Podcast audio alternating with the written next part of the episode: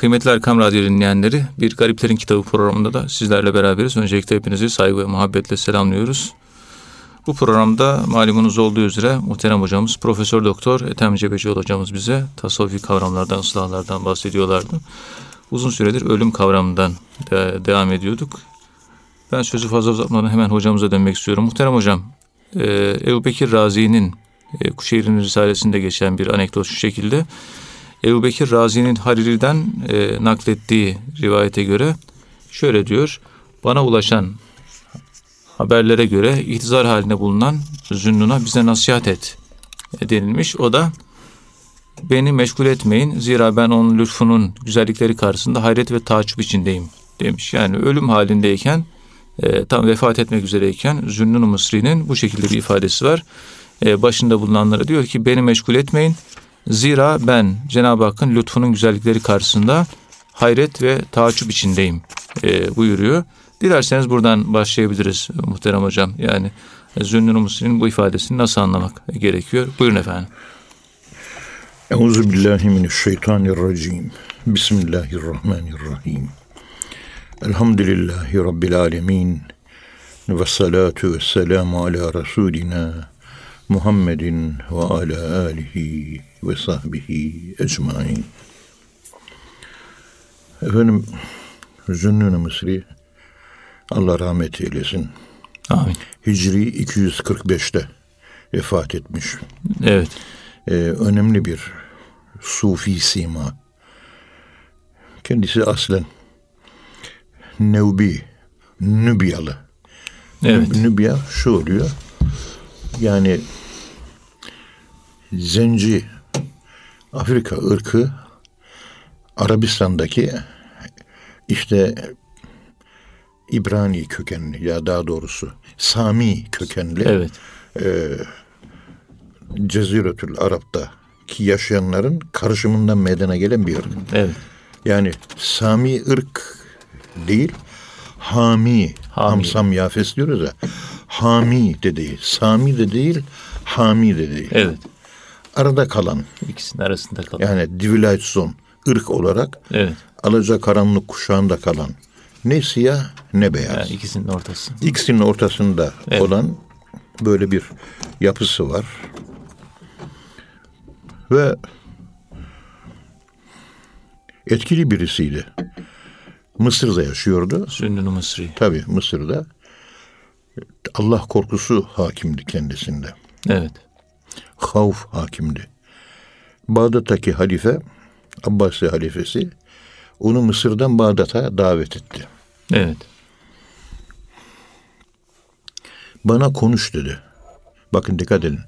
Devlet başkanlarının hakiki zahitler, hakiki muttekiler, hakiki dindan, dindarlar, ihlaslı, Allah için olan muhlisin denilen kullara ben devleti yönetiyorum.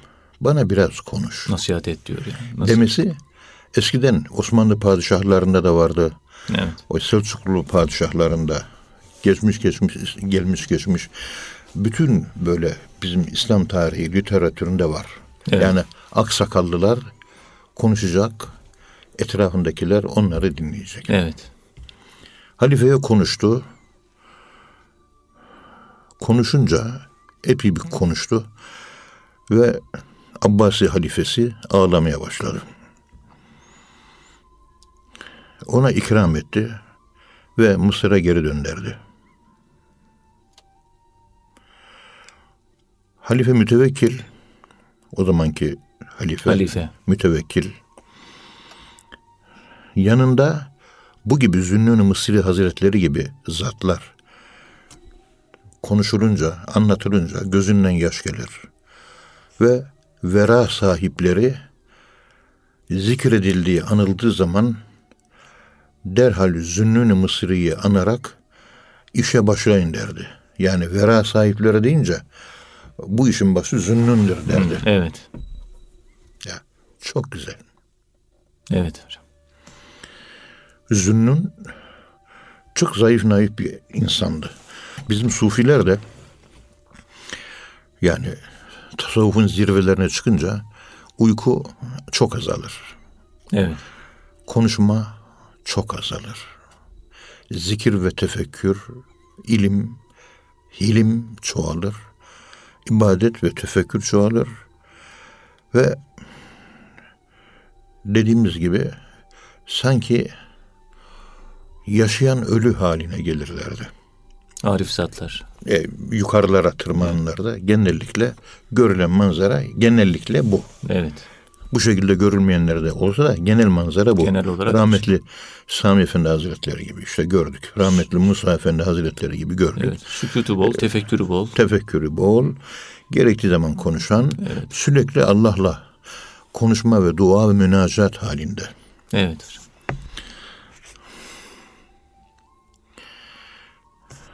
İşte bu Zünnün-i Mısri böyle bir zattı.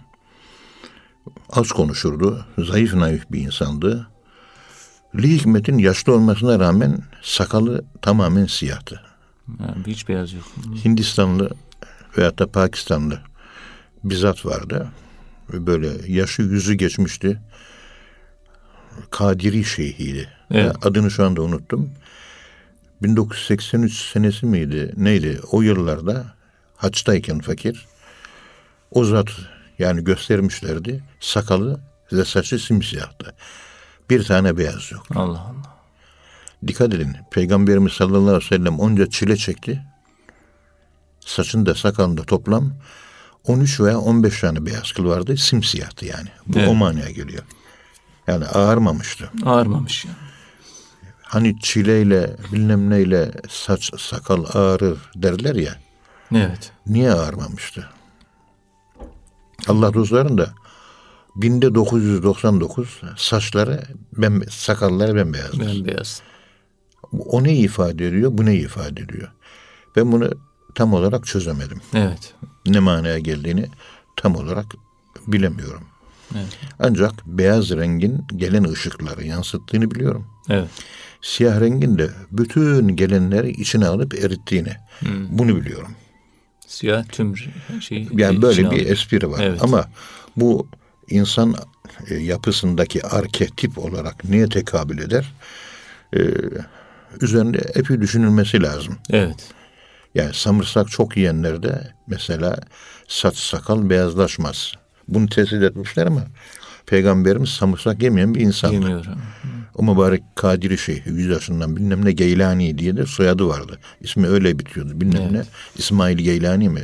E, hatırlayamıyorum şu anda yaş. İhtiyarladım artık. Estağfurullah. Bilemiyoruz. İşte Zünnün-i Mısır'ın da saçı sakalı ağarmamıştı. Hmm. Yani simsiyahtı. Yaşı ileri olmasına rağmen. Ya. Evet. Efendim Zünnün-i Mısri e, tabi onun son nefesindeki hali az önce nasıl bir haldeydi onu anlamaya çalışıyoruz. Evet. Yani hep Allah'la yaşamış, ölürken de Allah'la beraber olan bir insanın hali nasıl olur?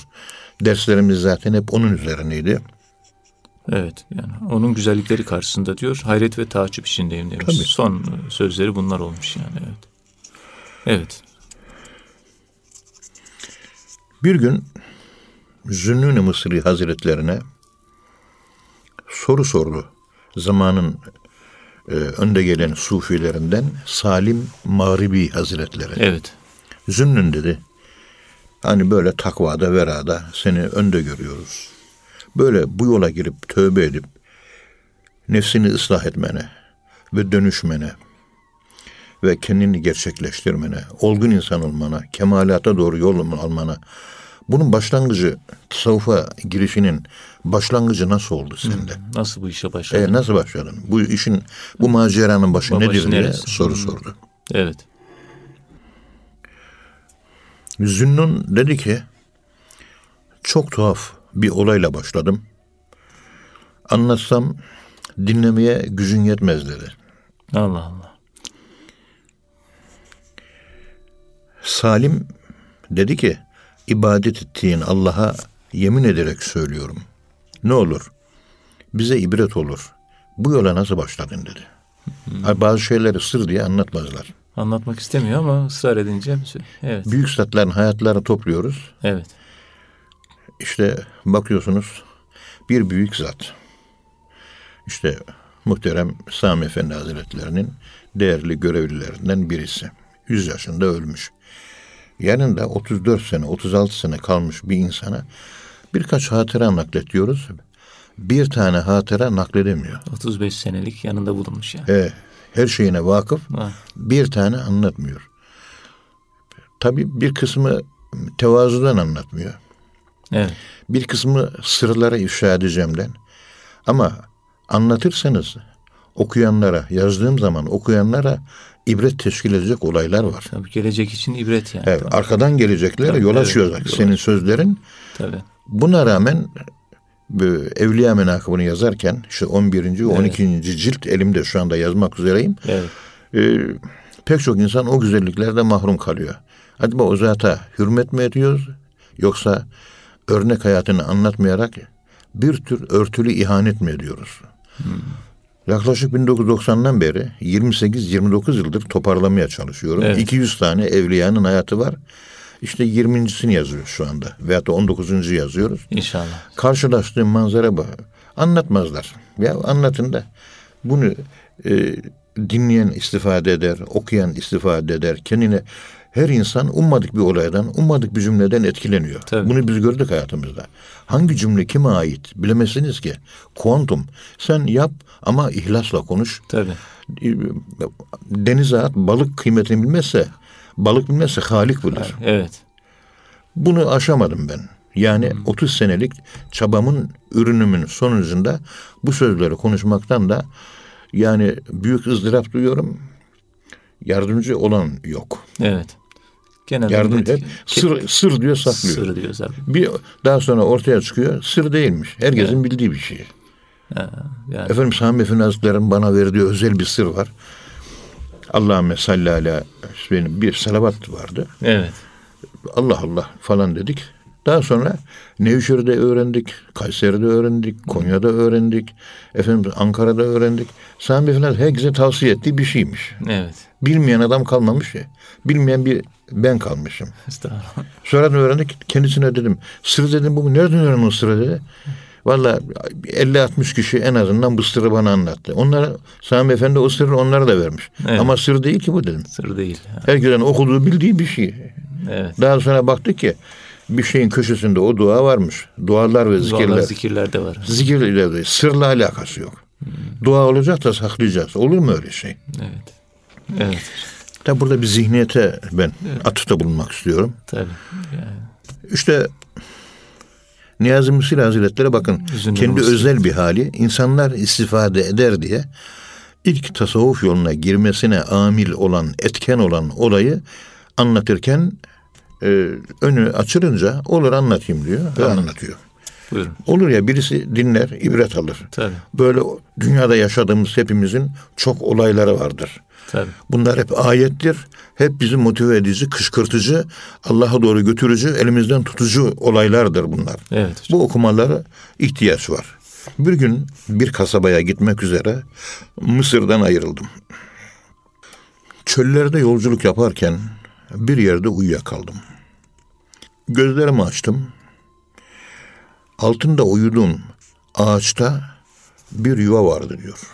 Evet. Kör, gözü görmeyen bir tarla kuşu o yuvadan düştü diyor. Kuş yere düşer düşmez yer yarıldı. Ve içinden biri susam, diğeri su dolu iki kavanoz çıktı. Allah Allah. Yer yarıldı.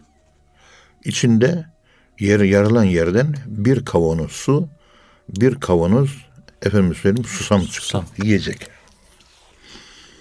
Kör olan kuş bunları yemeye başladı. Onları içmeye başladı.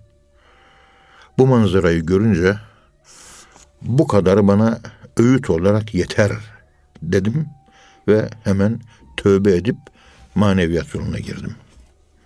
Tövbem kabul edilene kadar kerim olan Allah'ın kapısından ayrılmadım. İşte Zünnun-i Mısri Hazretleri ilk başlangıcında bu şekilde başlamış ve rızık konusunda Evet. rızık konusunda bu şekilde bir açılımla maneviyat yoluna girmiş. Yani çok ilginç bir hadiseyle Tabii. karşılaşmış ya. Ve şöyle bir güzel bir sözü var Zünnun-ı Mısri Hazretlerinin. Diyor ki yemekle olan midede hikmet olmaz diyor. Hmm, mideyi boş bırakmak lazım. Mide boş olacak, açlığı hissedeceksin. Açlık hissedilince acziyet duygusu meydana gelecek. Acziyet duygusunun içinde hikmetler gizli. Hikmetler gizli. Ben acizim, kulum, hiçim ve hiçbir şeyim. İşte hikmet onların içinde. Evet. Varlığın içine hikmet gizlenmedi. Yokluğun ve hiçliğin içine hikmet gizlendi. Biliyorum yok. Bilmiyorum. Bilmiyorum. Bir evet. gün bu Zünnün-ü Mısri Hazretlerine sordular. Bu tövbe nedir dediler. Diyor ki bir sıradan halkın yaptığı tövbe var. Bir de havas tabakasının yani dini ince yaşayan insanların takva ile yaşayan havas tabakasının tövbesi var. Hmm. İki türlü tövbe var. İki türlü tövbe var. Avam tabakası günah işler. İçki içer, ona tövbe eder. Dedikodu yapar, ona tövbe eder. Efendim söyleyeyim yalan söyler, evet. hırsızlık yapar. İşte günah işler, ona tövbe eder diyor. Ama seçkinler burayı aşmıştır. Onlar Allah'ı unuttukları zaman, Allah'tan gaflette kaldıkları zaman, dünya ile kafaları, gönülleri fazla meşgul olduğu zaman buna tövbe ederler diyor. Hmm, biri günahtan tövbe biri, ediyor. E, amel üzerinden tövbe, öbürü yani ameli, gözle görünen zahiri, evet. öbürü kalbi ve akli tövbe. Ey aklım, şu anda sen rant ve para düşünüyorsun. Evet. Tamam. Düşün. Lazım. Ama sürekli takılıp kalmak gaflettir. Düşünmek yok. Hepimize gelir. Dolar yükselmiş. İnşallah düşecek. Ama kafayı sabitleyip kalmak, Hı. orada takılı kalmak, dikkat edin. Gaflete sebep olur. Tamam değil. olmuştur, şudur bu tamam olacak. Evet. Ama 24 saat sürekli para düşünmek. Gafletin bir türü. 24 saat efendim söyleyeyim ben diyor yemek diyor işte fındıklı efendime söyleyeyim aşure yapılırken içerisine tarçın miktarı e, şu malzemeyle beraber konulursa tam iki gün, üç gün nasıl o tatlı yapılır? Onun üzerinde, Onun üzerinde duruyor. Yani aşurenin üzerinde duruyor. Bir aşure için on gün böyle üzerinde durulur mu? Yemeğin kimyası bilmem ne hepsini ezberliyor. Ahirette aşureyi nasıl pişirdin diye bir hesap var mı? Yok. Yok. Ama sorulmayacak şeye çalışıyoruz. Allah'ı bildin mi? Allah'ı tanıdın mı? Namaz kılarken Hazreti Ayşe annemiz gibi kendinden geçtin mi? Öyle diyordu o. Namaz kılarken kendimizden geçiyoruz ya Resulallah. Ne yapalım? Devam edin ben de öyle kılıyorum diyor. Sen namazı öyle kıldın mı? Yok. Kaplıcadaydık işte Narven kaplıcasında. Orada muhterem değerli bir kardeşimiz. Efendim iki kılalım burası diyor. E, memleketten uzağız diyor. Yok efendim dört mü kılalım falan. Kafayı buna takmış. Evet. Ben de hiç münakaşalara katılmadım. Katılmayı hiç sevmem. En sonunda ilahiyat profesörü diye beni göster. Bir de ona sor demişler. Ben de dedim ki fakir bek anlamam ama galiba cevap şöyle olması lazım. Yedi günlüğüne buradaki kaplıcan devresi bize ait. Evet. Ne zaman gidiyoruz? İşte 5 Temmuz 12 Temmuz arası. Tamam.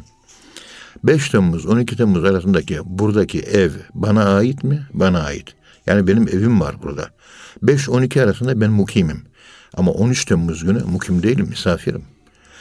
Ben 5 ile 12 Temmuz arasında 2 rekat kalacağım. Pardon 4 rekat kalacağım. Evim var çünkü Tabii, mukimim. Ait. Ama Temmuz'un 13'ünde ayrıldığım için, ayrılacağım için mukim değilim. O zaman mis- misafirim, yolcuyum. O zaman iki kılabilirim. O zaman bize, Cevap, bize bunun bu. değil. Evet. Ben dedi pek çok kitap okudum falan filan. Efendim biz sizin kadar bilgili değiliz deyince bu sefer o da mahcup oldu. Estağfurullah. Önce sana boynunu eğdi. Bak kardeşlerim şimdi biz bunlara pek kafayı yormuyoruz. Alimler fetvayı vermiş. Biz de fetvayı size veriyoruz. O kadar. Tamam. Ama burada şu var. Ben namaz kılarken ihlaslı mıydım? Kalbim namazın başından sonuna kadar Allah'a bağlı mıydı? Aklıma dünya gelmiş mi gelmemiş miydi? Ve kendimden geçtim mi geçmedim mi? Allah'ı öznelleştirebildim, Allah'ı yaşayabildim mi? Ve gözümden yaş görebildim mi? Huşu var mıydı? Hudu var mıydı? Ve rengim namazın rengini aldı mı? Bunlara ben bu, bakmıyoruz. he, benim için bu esas. Evet. Ha iki kılmışsın, ha dört kılmışsın. Çünkü İmamı Ebu Yusuf ve Muhammed'e göre iki de kılınır. İmam-ı Azam'a göre dört de Evet. kılınır. Bir mahsuru yok. Ama sen bin rekat namaz kılmışsın. Huşusuz. Efendim söyleyeyim hudusuz. Efendim söyleyeyim kendinden geçmeden, Allah'ı yaşamadan, namazın rengini almadan kıldığın bin rekat, bin rekat namaz kılsan neye yarar? Nice namaz kılanlar vardır. Boşuna ibadet etmiştir diyor.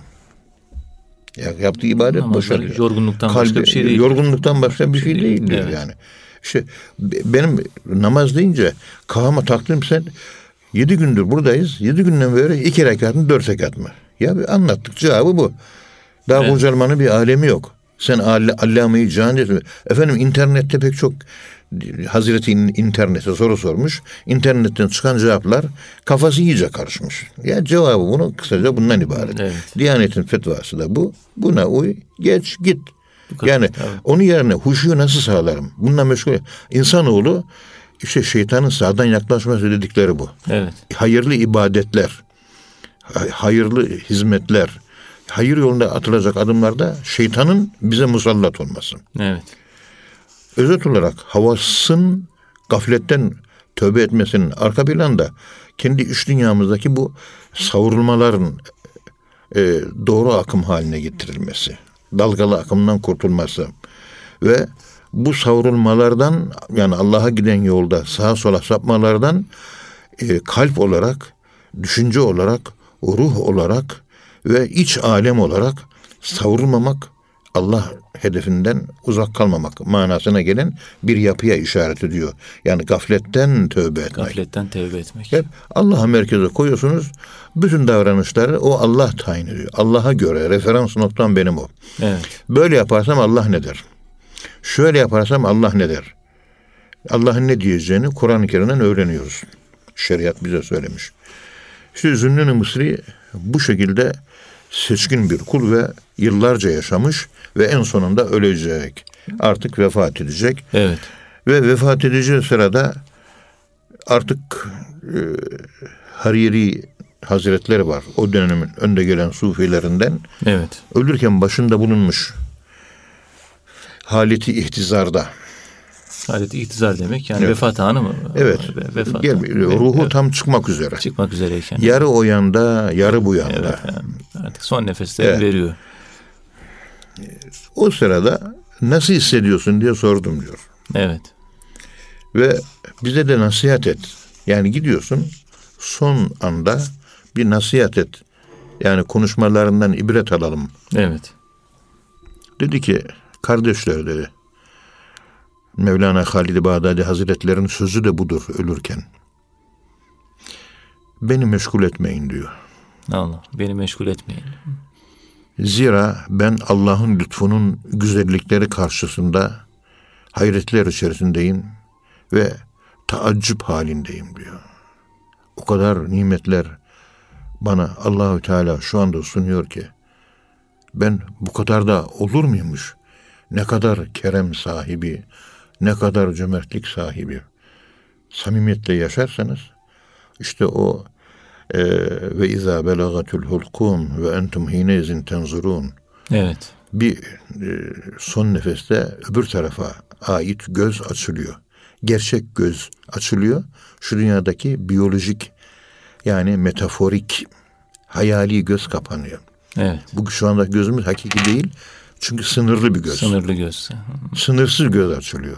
Zaman üstü, mekan üstü olan göz açılıyor. Fekeşefna anke gıtaeke febesarukel yevme hadid. Bugün senin gözündeki perdeyi kaldırdık. Ve bakışın çok keskindir. Her şeyi görüyorsun diyor. Duvarın ötesini de görüyorsun, burasını da görüyorsun diyor. Sınırlar kalktı yani. Sınırlar kalktı. Evet. Gö görüyor. O kadar çok Allah nimet vermiş. O kadar güzel şeyler vermiş ki. Ben şaşkınlık ve hayretler makamındayım. Evet. Bunu anlatmaya çalışıyor. Beni meşgul etmeyin. Allahü Teala Hazretleri bana vermiş olduğu bu nimetler yani bu kadarına ben layık değilim. Bana bu kadar da nasıl vermiş diye şaşkınlık içerisindeyim diyor. De burada biraz mahviyet makamında Tabii. ve e, Allahü Teala'ya saygı makamında ifadeler oluyor. Naz ya Rabbi layık olmadığım halde veriyorsun. Layık değiliz ama verdin. Yani bir nevi onun şükrünün acizliği de var bunun içerisinde. Evet. Böyle bir e, mahviyet duygusu var. Düzgün kul olarak yaşamak lazım. Evet. İnşallah. Yani biz hep Ahmet'e Mehmet'e endeksli yaşıyoruz. Evet. Allah'a endeksli yaşamamız lazım. Veyahut da örnek şahsiyetler dediğimiz peygamberler ve peygamberlerin yoluna giden mürşidi kamiller. Onları referans alırsak şüphesiz o referanslar bizi uçağımızı doğru havaalanına doğru bir şekilde indirir. Allah'la peygamberle alakası olmayan insanlara hayat yolunda kendimizi referans alırsak Evet. onlar bizi taşlı tarlalara düşürür. Uçağımız mahvolur. Hepimiz helak oluruz. Kimse kurtulmaz ve selam. Evet. Allah razı olsun hocam. Ağzınıza sağlık. Kıymetli dinleyenler programımızın birinci bölümü sonuna geldik. İkinci bölümde tekrar buluşmak ümidiyle efendim. Şimdi kısa bir ara.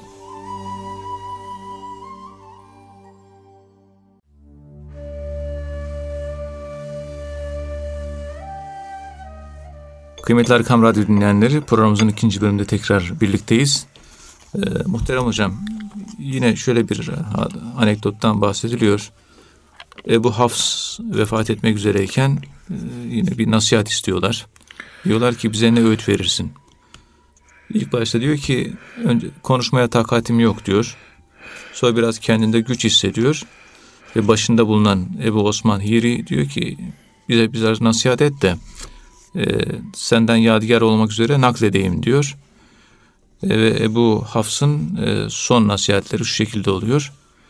İşlenen kusur ve hatalara bütün kalbinizle kırgın ve üzgün olunuz. Son sözüm, son nasihatim size bu olsun diyor. Yani günahlarınıza, hatalarınıza, kusurlarınıza bütün kalbinizle kırgın ve üzgün olunuz. Bu şekilde tevbe istiğfar ediniz diye nasihatte bulunuyor. Dilerseniz buradan devam edebiliriz muhterem hocam. Buyurun efendim. Euzu billahi mineşşeytanirracim. Bismillahirrahmanirrahim. Elhamdülillahi rabbil alamin. Ve salatu ve selamu ala Resulina Muhammedin ve ala alihi ve sahbihi ecmain. Efendim Ebu Hafs Hattat Evet. önde gelen büyük sufilerden ve Demir, demirci. Demirci Tabii lakabıyla. demircilik yapıyor. Böyle elinin emeğiyle geçinmeye çalışan çok kıymetli bir sufi. Zaten o Selef döneminin sufilerine baktığınız zaman hepsi elinin emeğiyle geçinen ve kimseden para istemeyen, para toplamayan, Hepsi, hepsinin mesleği var yani bir mesleği. Kimseye geçin- yük olmayan. Kimseye yük olmamışlar. e, güzel insanlar ve tüfeğli değiller, asalak değiller. Evet. Başkalarına yardım ediyorlar. Yani Ebu Hafs Hattat e, 260 Hicri'de vefat etmiş. Evet. 260 Hicri'de vefat etmiş. Önemli sufilerden birisi. 883'te vefat etmiş. Miladi. Kendisi Buhara, Nişabur, Buhara o bölgelerde Kurdabat diye bir bölge var.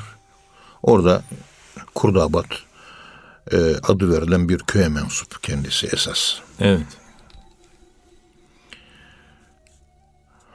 Diyor ki Ebu Hafs ölümü anlatırken bu geçmiş sufiler yani selef sufiler dediğimiz ashab-ı kuşeyri dediğimiz Kuşeyri'nin hayatını anlattığı 80 küsür insan var Evet. burada.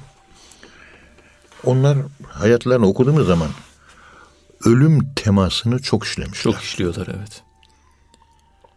Yani acaba olgunluklarını, ölüm temasını, konusunu çok işlemelerine mi borçlular?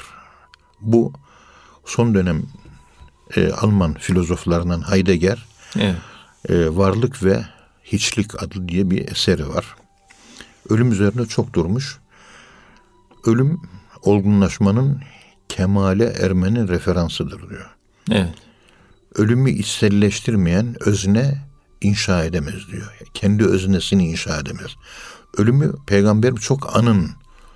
Ağzınızın tadı kaçsın diyor. Evet. Ağızların tadını kaçıran ölümü çokça anın diyor. Anın. Modern çağın filozofları peygamberimizin ulaşabildiği ve bize söylemiş olduğu bu inceliğe ancak yeni yeni ulaşabiliyorlar. Benzer fikirler Friedrich Nietzsche'de de var. Onda da görüyoruz. Evet. Ölüm teması, Ölüm. ölüm teması, ölüm konusu. Onu çok güzel işlemişler. Sık sık ölümü hatırlamak. Bahçemizi, mezarımızı açacağız, açacağız. Her gün bir 15-20 dakika ölüm murakabesi yapacağız. İçine uzanacağız. Evet. İçine mezarımızın girer. Dersimizi gece çekerken kefen giyeceğiz. Kefenle ders çekeceğiz. Ölüm dokunacak bize. Osmanlı padişahları sarıkları kefenleriydi. Yani kefenlerini yani ölümlerini baş yüzünde taşıyor. Baş üzerinde taşıyorlar. Baş üstünde. evet. Yani ölüm benim başımda Demokles'in kılıcı gibi sallanıyor. Şu anda kafama ölüm dolanmış vaziyette. Aklı dairesel bir şekilde kuşatmış o sarık. Ve akıl da sınırlı, daire de sınırsız. Ölüm denen sınırsız dairede aklım şu anda teslim olmuş vaziyette. Yani ölüm referansına sabitlendim anlamına gelen bir yapı. Ölüme hazırım diyor yani. Hazırım. Hazırım. Bizim sarıklar da öyle olması lazım aslında. O sarıklarımız, namaz kıldığımız, zikir çektiğimiz sarıklarımız ölünce kefen olarak. Mezarcı Mehmet Efendi Halveti Tarikat Şeyhi bundan 10 sene önce öldü İnegöl'de. Allah rahmet O eylesin. yani hayatının son 35 senesini e, üzerinde vücudunda hep kefeniyle yaşadı. Evet. Kefensiz yaşamadı. Ölünce de o kefene büründü ve mezara öyle girdi. Mezara öyle girdi. Mezarcı Mehmet Efendi diye anılırlar. Diyor ki humma hastalığı geldiği zaman anlarsınız ki ölüm geldi. Humma hastalığı ölümün ben geliyorum diye bir davetiyesidir diyor. Evet. Ölümün davetiyesi humma hastalığı. Humma hastalığı geldi mi tamam artık vefat edeceksin Evet. anlamına gelir diyor. Davetiye Ebu. Hafs Haddad. Aynı şekilde kişinin işlediği günahlar da küfrün kendisine yaklaştığının alametidir diyor. Günahlar çoğaldı mı? Ha, sana kafirlik yaklaşıyor demektir diyor.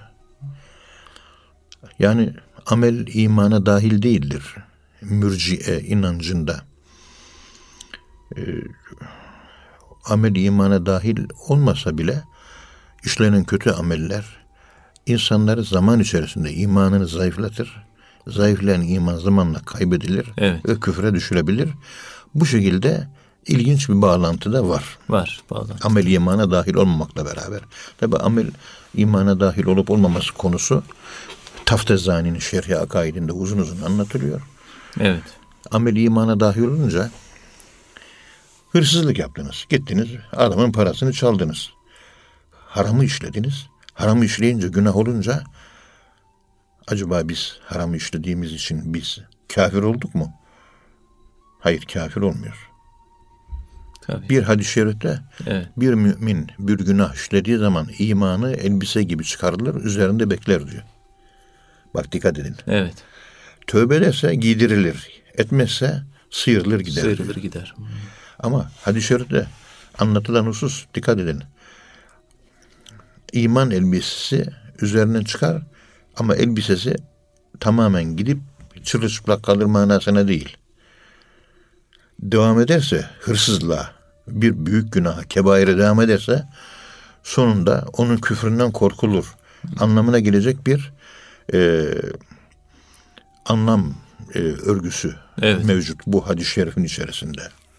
İşte günahlarını çoğalıyorsa küf artık kafirlik size yaklaşıyor demektir. İşaretçisi oluyor. Evet, durmadan sabah akşam dedikodu yapıyor. İnanan bir insan. Dedikodu da Hucurat suresinin 12 nolu ayet-i kerimesine göre haram mı? Haram. Evet. Ölünce de ahirette namaz salih amellerden namazdan başlanacak. İmam Gazali'nin İhyasında böyle yazıyor. Kötü amellerden de dedikodudan başlayacak. Ad, yani adam öldürmekten değil. İçki içmekten, kumar oynamaktan, hırsızlıktan, yalan söylemekten değil. Başkasının hakkında laf konuşmak, dedikodu yapmak ilk olarak kötü ameller oradan başlayacak diyor. Evet. Şimdi bugün günümüzün müminleri sürekli sabahlı akşamlı dedikodu yapıyor mu? Yapıyor. Yapıyor. Herkes yapıyor. Peki sürekli bu kebair dediğimiz yani dedikodu yapmak kebairdendir. Evet. Büyük günahtır. Adamı öldürmek ve öldürülen insanın etini yemek. Karşılığı bunun Kur'an'da ifade edilişi ve açıklaması ve izahı description e, lojik olarak yani mantıksal tarif ve tanım olarak Allah bunu vermiş. Öldürüyorsun o adamı dedikodu öldürüyorsun. Öyle etini. Öldürme günahı var. Ondan sonra öldürdüğünde oturuyorsun etini yiyorsun. Bir ölünün etini yemek günah mı? Günah. Günah. Dedikodu bu. E, akşama da o ne yaptı, bu ne yaptı, şunu etti. Herkesin noksan tarafını merak ediyoruz. Bir de bunu yayanlar var. Bir de olan olayın ötesinde iftiratörle uydurarak anlatanlar var. Hı, bir de iftirası da. Evet, tabii. yani tabii. onları hiç konuşmuyor. Sırf olanı olduğu gibi anlatmaya dedikodu derler. Sen gittin içki içtin. Ben de gittim diyorum ki başkasına. Ben Vahid'i gördüm. Sakarya Caddesi'nde Kızılay'da Löwenbüro birası içti. Doğru laf. Ama başkasına söyleme izni verilmemiş bana şeriatta. Şeriata göre ben geleceğim. Emir bil maruf, nehyanil münker yapacağım. Evet. Arkadaş haram işliyorsun. işleme diye yüzüne söyleyeceğim. Arkadan konuşmak yasak. Dedikodu işte o. Evet. İşte sürekli dedikodu yapan insan bu işlemiş olduğu sürekli günahı onu zamanla küfre götürebilir mi? Bugün en büyük belası bu. Evet. Bugün ciddi manada hepimizin düştüğü, herkesin düştüğü, kendini bilenlerin de bilmeyenlerin de düştüğü hata bu. Onun bunun bilinmesini merak etmek. Başkasının günahını almış oluyor yani. İşte küfre kadar götürür. Ne kadar götürüyor. Küfre götürmesi demek son nefeste imansız gitmesi demek, ebedi cehennemlik olması demek. Evet. Halbuki dilin rahat rahat konuşması var değil mi? Dil her türlü şekle giriyor konuşuyor. Ama ahirette sonsuz ebedi bir azaba vesile oluyor. Allah korusun. Hafazanallahu an zalike. Allah korusun. Allah muhafaza. İşte küfrün küfür değildir. Günah. Kebair küfür değildir. Ama sürekli işliye işliye iman zayıflar. Zayıflayan imanı da kolaylıkla kaybedebiliriz. Evet. Onun için demişlerdir ki büyükler, edebe dikkat edin. Edep, dinin, dini kuşatan en geniş sınırdır. Sınır. Edebe dikkat eden, edebi koruyan sünneti korur. Sünneti koruyan vacibi korur. Vacibe dikkat eden koruyan farzı, Farzı korur. korur. Farzlarda tiz olan koruyan insanlar da imanı korur. Sen edep kaybediyorsun. Arkasından sünnetleri kaybettik. Peygamberimiz sünneti bana ne diyor? İnkar ediyor peygamberimizi. Öyle insanlar türedi Müslümanlardan. Bakıyorsun ondan sonra farza gevşeklik gözüküyor bu insanlarda. Namaz kılmayınca önemli değil canım diyor. Bakıyorsun iman zayıflaması gözüküyor bu insanlarda. İman. Akılcılık başlıyor. Evet. Rasyonalizm başlıyor. Rasyonalizm başlayınca ilk rasyonalist şeytandı biliyorsunuz. İlk e, mantıksal e, hüküm ve e, yaptığı dedüksiyonlar, yaptığı efendim söyleyeyim mantıksal çıkarımlar e, şeytanın doğruydu. Ama Evet. o doğruluğu onu kendisini doğru yoldan çıkarttı. Ondan istenen mantığına, aklına değil, Allahü Teala'dan gelen kuantum içerikli yani secde et. La insana secde edilme, edilmez. Et diyor. Ama o diyor ben ondan o benden üstün değil ben ondan üstünüm diye çıkarımlar yapıyor mantıksal. E doğru diyorsun. Ama Allah onun önüne geçiyor. Bana uy diyor. Evet. Bir secde et Adem'e. Tabi Hazreti Adem'in etine kemiğine değil hakikatine secde et. Hakikat. Hakikat. O hakikat de Allah'la direkt bağlantılı. Şeytan bunu göremiyor. Evet. Bugünkü işte o sünnetleri inkar eden, peygamberimizi küfreden, Hazreti e, Ebu Hureyre'ye yumurta yumurtladı, yumurta yumurtlar gibi altı bin hadis üretti diyen Allah korusun. sahtekar, üçkağıtçı, meczuplar Allah korusun. yavaş yavaş e, farzı inkar, farzın ötesinde Evet. e, küfre doğru gidiş, imanı hafife alış, daha sonra deizm, bilmem ne, bu gibi abuk sabuk fikirler ve yapılanmalar bunlar ortaya çıkacak ve gittikçe çıkıyor görüyorsunuz. Bu, bu, bu gibi e, meczupların peşine düşmüş yarı meczup pek çok da insan var maalesef. E, Maalesef. İşte Evet. Ebu Hafs Haddad'ın söylemiş olduğu bu ifadeler gerçekten son derece düşündürücü ve üzerinde de çok durmamız lazım vahiyçiyim. Evet. Özellikle ben büyük günah deyince hiçbirimizin kaçamadığı, hepimizin bakıyorsun amil, kalim, salih, mükemmel, her şeyi iyi, ameli itkan üzere. Yani pırıl pırıl bakıyorsun dedikodu yapıyor. Evet. Her yerde her zaman yaşım 68 ve ben de bu işin içine düşüyorum bazen. Ben kendim de vareste değilim. En büyük düştüğümüz sıkıntı bu. Bu devrin e, e, faiz ondan sonra geliyor bu devirde. Faiz mi önce dedikodu? Dedikodu önce geliyor. Faizi banka yap, yatırmayan pek çok insan var. Evet. Yani fakirlerin bankada parası olmaz. Ama fakir de dedikodu yapıyor. Çok dikkat etmek lazım demek ki yani. Evet. Ya dedikodudan azade olmayan adam neredeyse yok gibi. Evet. Bildiğin en süper, en süper, en klas insan dahi yakışıklı dedikodular yapıyor. Araştırıyor. O ne, bu ne, şu ne, o ne. Duyduğunu başkasına naklediyor. Evet. Görüyor muyuz? Evet, bunlar görülüyor. Doğru mu? Alabildiğine yanlış. Ve hepimizin hatası bu. Ben kendim de bu hataya düşüyorum. Estağfurullah. Estağfurullah. Bilincinde olmama rağmen, üzerinde durmama rağmen yine Mehmet ne yaptı diyoruz.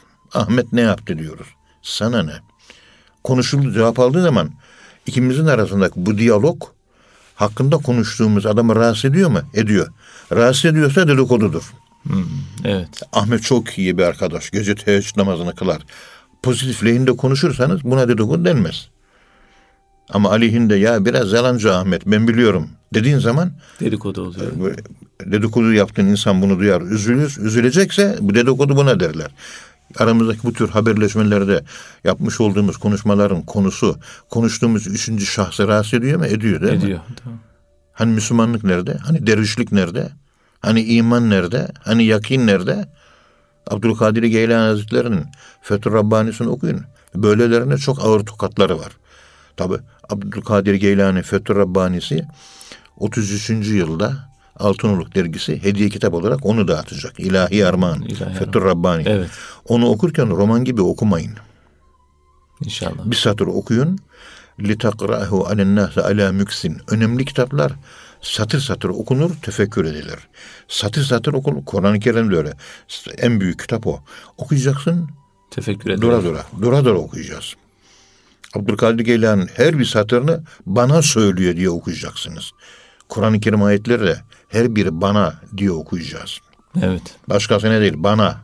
Başkasına dediğin an manevi, içsel, öznel dedikodu yapmış oluyorsun. Nesnel dedikodu değil. O da Ha, dedik, dedik. Kur'an-ı Kerim'de böyle anlatıyor da ya falanca kişi buna benziyor diye içinden duygular geçirmen dahi havas tabakasına göre, hasıl havasa göre dedikodu. Sami Efendi Hazretleri bu dedikodudan da, bu dedikodudan da kaçınmış. Evet. Başkası hakkında kötü şey düşünmemek. Hüsnü zan. Allah bile bunu istiyor. Ve ahsinu zununekum fiyye. Benim hakkımda pozitif düşünün diyor Allah. Pozitif düşünün diyor. Evet. Bu onu hiç konuşmuyoruz. Halkın normal avam tabakasının dedikodusunu konuşuyoruz. Bir de öbür öznel dedikodular var. Nesnel dedikoduların dışında. Ahmet ne yaptı, Mehmet ne yaptı diyor. Dile getirip fiziki konuşmak. Bir de nefsi konuşmalar var içimizde. Ya Ahmet böyle yaptı da şöyle etti de. Kendi kendimize konuş. Kimse yok. Evet. O da dedikodu O, dedi, o da dedikodu. Havas tabakasına göre. Havasına göre. Avama göre günah değil ama avama günah yazılmaz. Ama dervişe günah yazılır. Birinin Evet. hakkında kötü şeyler düşünmek. Bu derviş kardeşler, takva ehli kardeşler nereye gidiyor?